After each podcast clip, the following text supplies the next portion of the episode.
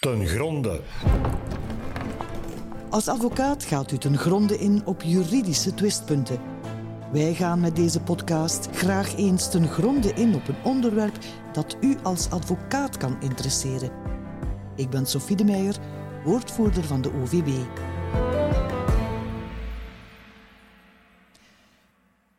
Op dinsdag 18 april organiseerde OVB mee de vierde dag van de rechtsstaat in Mechelen. Een van de sprekers is professor emeritus Chris van den Wijngaard. Als voormalig rechter in het Joegoslavië-tribunaal en het Internationaal Strafhof is zij een autoriteit in zaken internationaal strafrecht. In deze podcast geeft zij al een voorsmaakje van het discours dat zij op de dag van de rechtsstaat uit de doeken zal doen. Professor van de Wijngaard, wat verstaat u onder de term rechtsstaat? Wat betekent dat voor u? Voor mij is de rechtsstaat enerzijds een formeel begrip en dan verwijs ik naar Montesquieu, de scheiding der machten. Niet zo mechanisch als Montesquieu destijds bedoelde. Montesquieu is ook van voor de verlichting. Um, dus ook de waarden van de verlichting, de democratie, eh, de vrijheid, gelijkheid, solidariteit, broederlijkheid, de grondrechten. Dus al die, die dingen komen samen in de rechtsstaat die de verhouding tussen de staat en de burgers regelt. Oké. Wat zijn volgens u dan de grootste uitdagingen voor de rechtsstaat de komende jaren, de komende decennia? De klassieke uitdaging voor de rechtsstaat is altijd geweest en zal altijd zijn corruptie. Maar dat is niet waar we het nu over hebben. Nu hebben we het over de, de, moderne uitdagingen voor de rechtsstaat. En hier denk ik dat het precies gaat om de uitdagingen van deze tijd. De klimaatcrisis, de migratiecrisis, de vergrijzing, de oorlog in Oekraïne die heel veel budgetten opslorpt. En de manier waarop de rechtsstaat daarop reageert. En dat is wat het zo moeilijk maakt. Het is heel duidelijk dat beslissingen moeten worden doorgedrukt tegen de wil van de bevolking.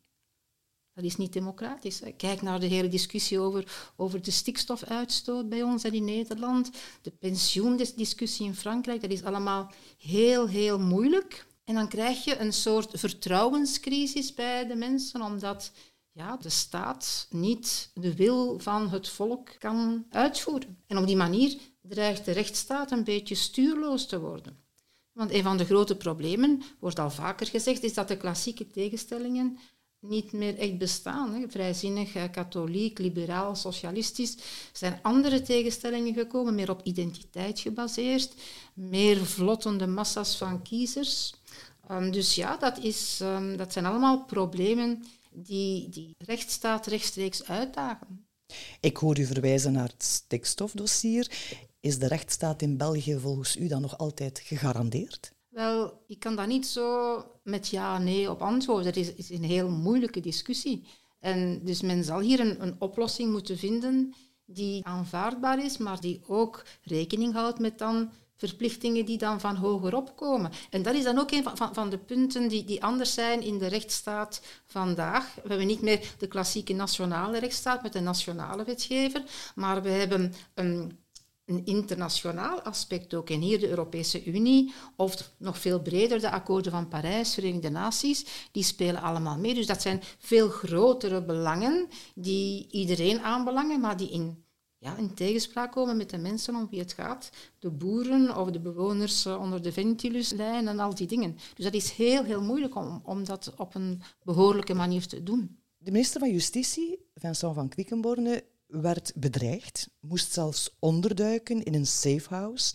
Ook andere politici worden alles bedreigd, uh, magistraten worden bedreigd, journalisten, advocaten. Vindt u dat ook een bedreiging van de rechtsstaat? Wel ja, dat is heel erg. Hè. Ik heb dat zelf ook meegemaakt. Op het Joegoslavië-tribunaal hadden wij allemaal um, bescherming. Ik heb zelf ook al eens een bedreiging meegemaakt. Dus dat is erg. En jammer genoeg hoort dat er meer en meer bij.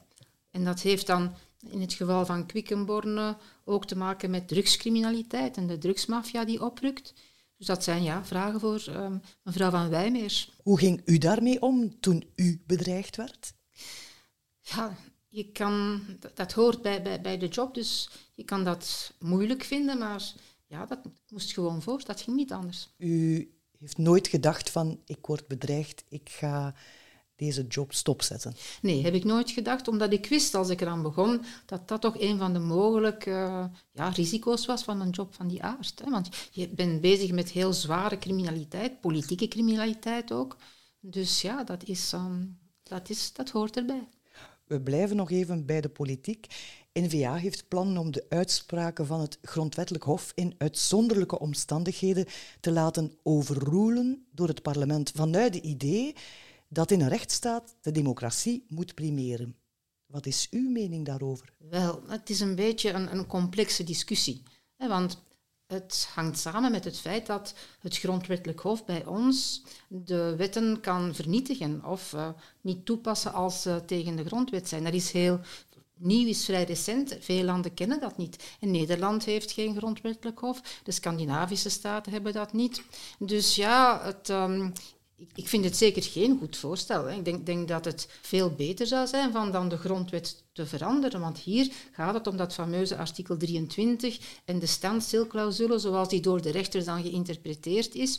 Dus uh, ik denk dat de betere werkwijze zou zijn om op die manier dan um, die standstilclausule, als men die al wil, buiten werking stellen, om die op die manier dan buiten werking te stellen. En dat zou eigenlijk met dezelfde meerderheden zijn, hè, want wat zij voorstellen is dat die overruling met twee derde gebeurt. Maar ja, dat is ook de meerderheid die je nodig hebt om de grondwet te wijzigen. Dus ik, ik zie hun punt eigenlijk niet. Maar het is wel een probleem dat sommige rechters uh, een, een, tekort aan judicial restraint aan de dag leggen. Wat bedoelt u dan? En dat zijn die fameuze activistische mhm. rechters, hè, waar Mark Bosuit, mijn collega aan de Universiteit van Antwerpen, um, ook over gesproken heeft. Hè. Het Europees Hof van de Rechten van de Mens is vaak heel, heel ver gegaan. En, en dat is soms jammer, hè, want heel die, die, die, de brexit hysterie is, is daar ontstaan. Toen Theresa May nog minister van, van Binnenlandse Zaken was in Engeland, was haar eerste verontwaardiging over Europa niet naar de Europese Unie gericht, maar naar de Raad van Europa en het Hof, omwille van een aantal beslissingen, ook weer in verband met migratie, want dat is een van de, de grote uitdagingen van onze tijd, zoals ik bij het begin zei. Nu, u heeft het over activistische rechters in Europese context, maar ik denk dat je dat toch moeilijk kunt zeggen van de magistraten van het Grondwettelijk Hof, dat dat activistische rechters zijn. Nee, dat zeg ik niet, maar ik zeg wel dat zij destijds bij de interpretatie van dat artikel 23 en die standstill clause hebben uh, ingevoerd. Iets wat buiten de tekst van de, van de wet lag. Ik ben zelf geen grondwetspecialist, ik kan daar ook niet verder over oordelen. Maar um, ja, men had ook anders kunnen uh, beslissen. Dus ik zeg niet dat dat activisme is, maar het is toch wel iets wat ja, vrij verregaand is. En misschien moeten wij ook, zoals in mijn rechtbank in, in Den Haag, aan rechters toelaten van opinies te formuleren. Waarbij, want we weten ook niet met welke meerderheid dergelijke beslissingen getroffen zijn. Ja, ik heb daar ook zo... U vond dat een verrijking dat je aan het internationaal strafhof wel naar buiten kon komen met een bepaalde opinie? Dat is inderdaad zo. Want het is mij nogal vaak gebeurd eigenlijk dat ik um, het niet eens was. En dat had dan eigenlijk ook te maken met, ik zal niet zeggen activistische rechters, collega-rechters, maar rechters die een, een meer teleologische interpretatie van de strafwet deden, die ik als strafrechtsrechter, legaliteit, enge interpretatie van de strafwet, een interpretatie die ik helemaal niet deelde. En ik zou het heel erg gevonden hebben van, van dat niet te kunnen zeggen. En dus vandaar, en judicial restraint is, is, een heel complex verhaal dat je niet zomaar kan reduceren tot deze casus nu. Ja. Dat voorstel van de NVA. Ja, oké. Het is nu iets meer dan een jaar geleden dat uh, Rusland Oekraïne is binnengevallen. En naar aanleiding van die trieste verjaardag heb ik een Oekraïense advocaat geïnterviewd, um, die in maart vorig jaar naar ons land is gevlucht. En zij had het onder meer over de situatie in de door Rusland bezette gebieden, waar inwoners Russische paspoorten, rijbewijzen, nummerplaten worden opgedrongen eigenlijk. Zij zegt, Rusland ontneemt hen hun identiteit en dat staat volgens haar haaks op de mensenrechten en de principes van de rechtsstaat. Hoe kijkt u daar tegenaan? Ik kan het alleen maar volmondig daarmee eens zijn. En er zijn nog andere landen die dat doen. Nicaragua heeft bijvoorbeeld uh, honderden mensen gewoon hun nationaliteit uh, ontnomen om, om ze te expulseren, om ze buiten het land te hebben. Dat zijn zware schendingen van mensenrechten, ja. En dan kom ik meteen tot uw vroegere werk eigenlijk. Oekraïne verzamelt op dit moment volop bewijsmateriaal om te kunnen aantonen dat Rusland oorlogsmisdaden begaat. Hoe beoordeelt u dat vanuit uw eh, functie van voormalig rechter in het Joegoslavië-tribunaal in het internationaal strafhof? Wel, dit is eigenlijk de meest gedocumenteerde oorlog ooit. Dus er worden constant, bijna door iedereen, eh, bewijzen verzameld. En het is een teveel aan bewijs. Dus dat zal allemaal moeten worden uh, gesorteerd. En, en ja, er is heel veel videomateriaal, dat kan worden gebruikt, maar dat moet ook met de nodige omzichtigheid gebeuren. En ja, de, de Oekraïnse justitie wordt, wordt bijgestaan door het internationaal strafhof. Er zijn een hele reeks privé-initiatieven die, die ter plaatse zijn om de magistraten daar te helpen. Dus ja, het is altijd moeilijk om in real time tijdens een oorlog gegevens, bewijzen te verzamelen. Maar hier gaat het denk ik wel veel beter dan in vorige oorlogen, gewoon omdat er al een aanwezigheid is.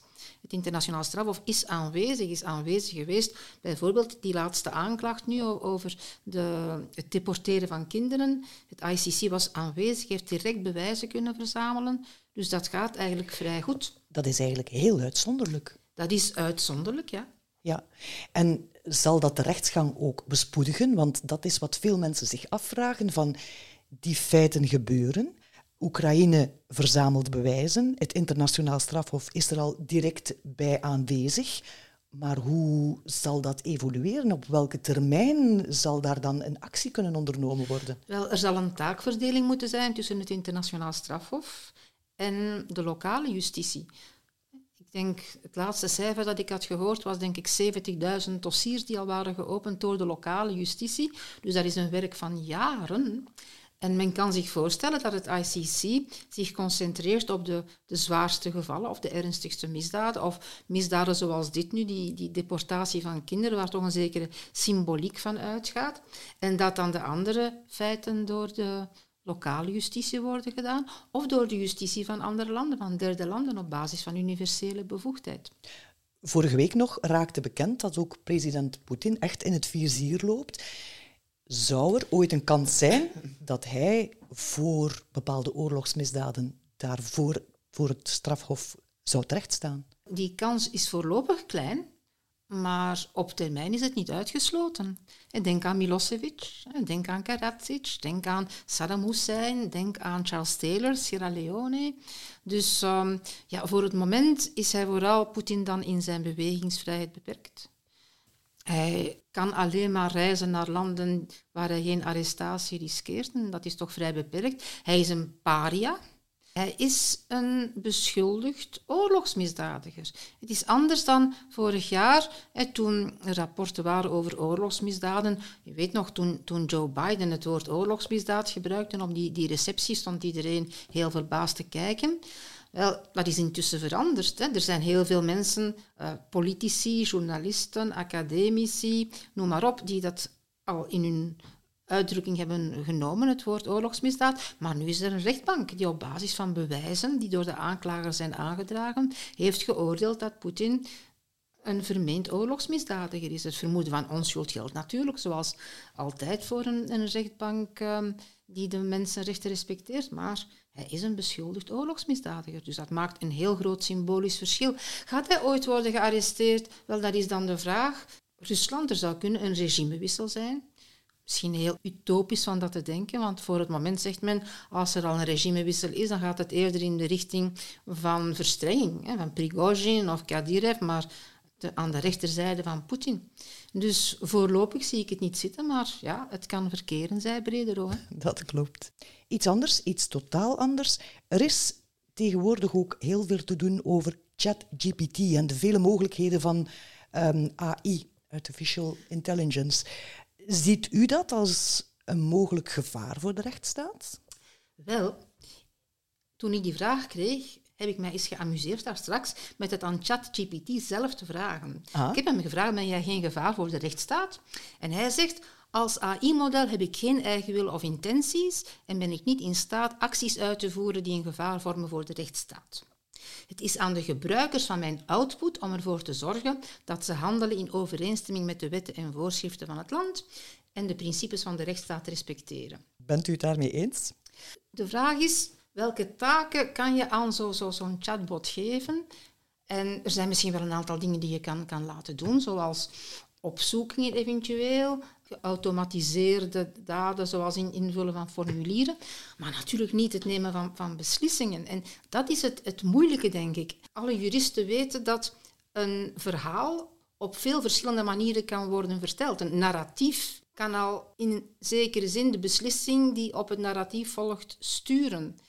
En daar heb ik heel veel schrik van. En dat men door samenvattingen te laten maken door zo'n chatbot, narratieven gaat krijgen, feitelijke narratieven of juridische narratieven, die, ja, waar, waar je, als je daar als mens met een bewuste denkoefening naar kijkt, iets anders zou doen. En dat denk ik is een van de grote gevaren, maar het is allemaal zo nieuw, ik weet het ook niet, dat komt nog maar net op ons af. Maar toch een beetje voorzichtig daarmee omgaan. Voorzichtig daarmee omgaan, ja, ja. Waarom is een initiatief zoals de Dag van de Rechtsstaat in uw ogen belangrijk?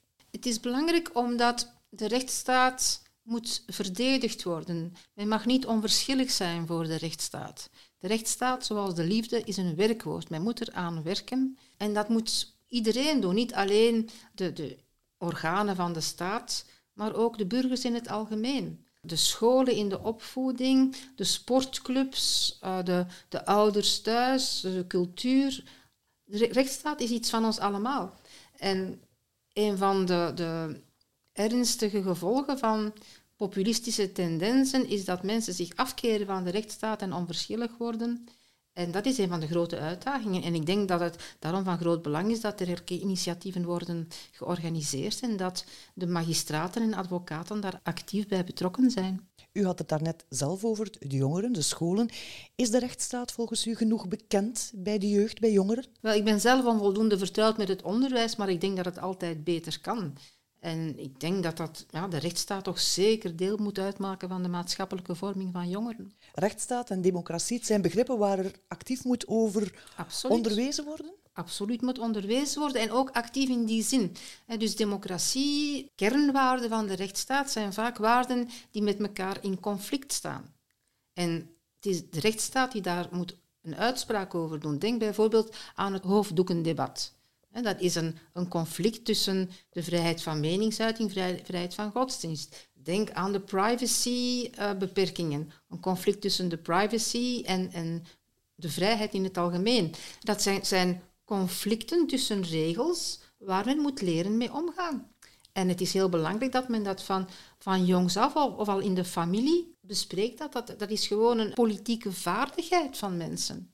En ik denk dat als burgers op die manier gewoon in hun dagelijks leven gewoon zijn van daarmee om te gaan, dat, dat dat een grote garantie is voor de rechtsstaat. U zal zelf spreken op de Dag van de Rechtsstaat. De titel van uw voordracht is Nergens lijkt de rechtsstaat verworven.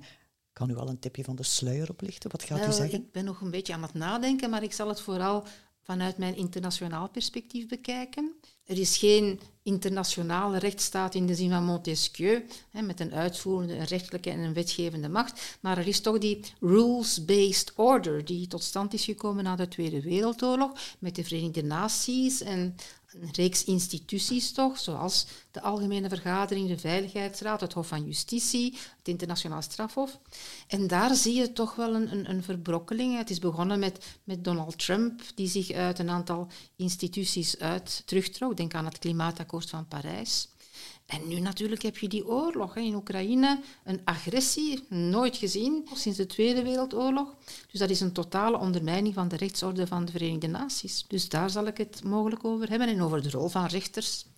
Misschien een beetje over judicial restraint en hoe men daarmee omgaat in internationale rechtbanken de rol van rechters. Heeft u dan bijvoorbeeld ook nog specifieke tips voor de advocatuur? Want er gaan ook advocaten in de zaal zitten. Dat wij niet zonder advocaten kunnen. Het is heel belangrijk. Vanuit mijn ervaring in die internationale strafhoven zijn advocaten ontzettend belangrijk. Omdat er daar, anders dan in procedures nationaal bij ons, de techniek van de cross-examination gebruikt wordt. En daar ben ik als rechter heel, heel blij mee, omdat dat een manier is om toch ehm, ja, de waarheid beter aan de dag te brengen in dergelijke complexe dossiers. En ik ben advocaten dankbaar, want er zijn al een paar keer geweest dat ik ja, bij een eerste inschatting van de bewijsvoering, zoals die door de aanklager was aangebracht, dat ik toch na de cross-examination helemaal anders ben beginnen aankijken tegen het bewijs. Dus nee, de advocaten die zijn essentieel in een rechtsstaat, ook internationaal. De advocaten zullen het u graag horen zeggen, professor van Wijngaard. Bedankt voor dit interview. Wie de rest van uw opvattingen over de rechtsstaat wil horen, die moet beslist komen luisteren op 18 april in Mechelen. Deelnemen kost 35 euro en het levert advocaten alvast twee punten permanente vorming op. Inschrijven kan via de website dagvanderechtsstaat.be.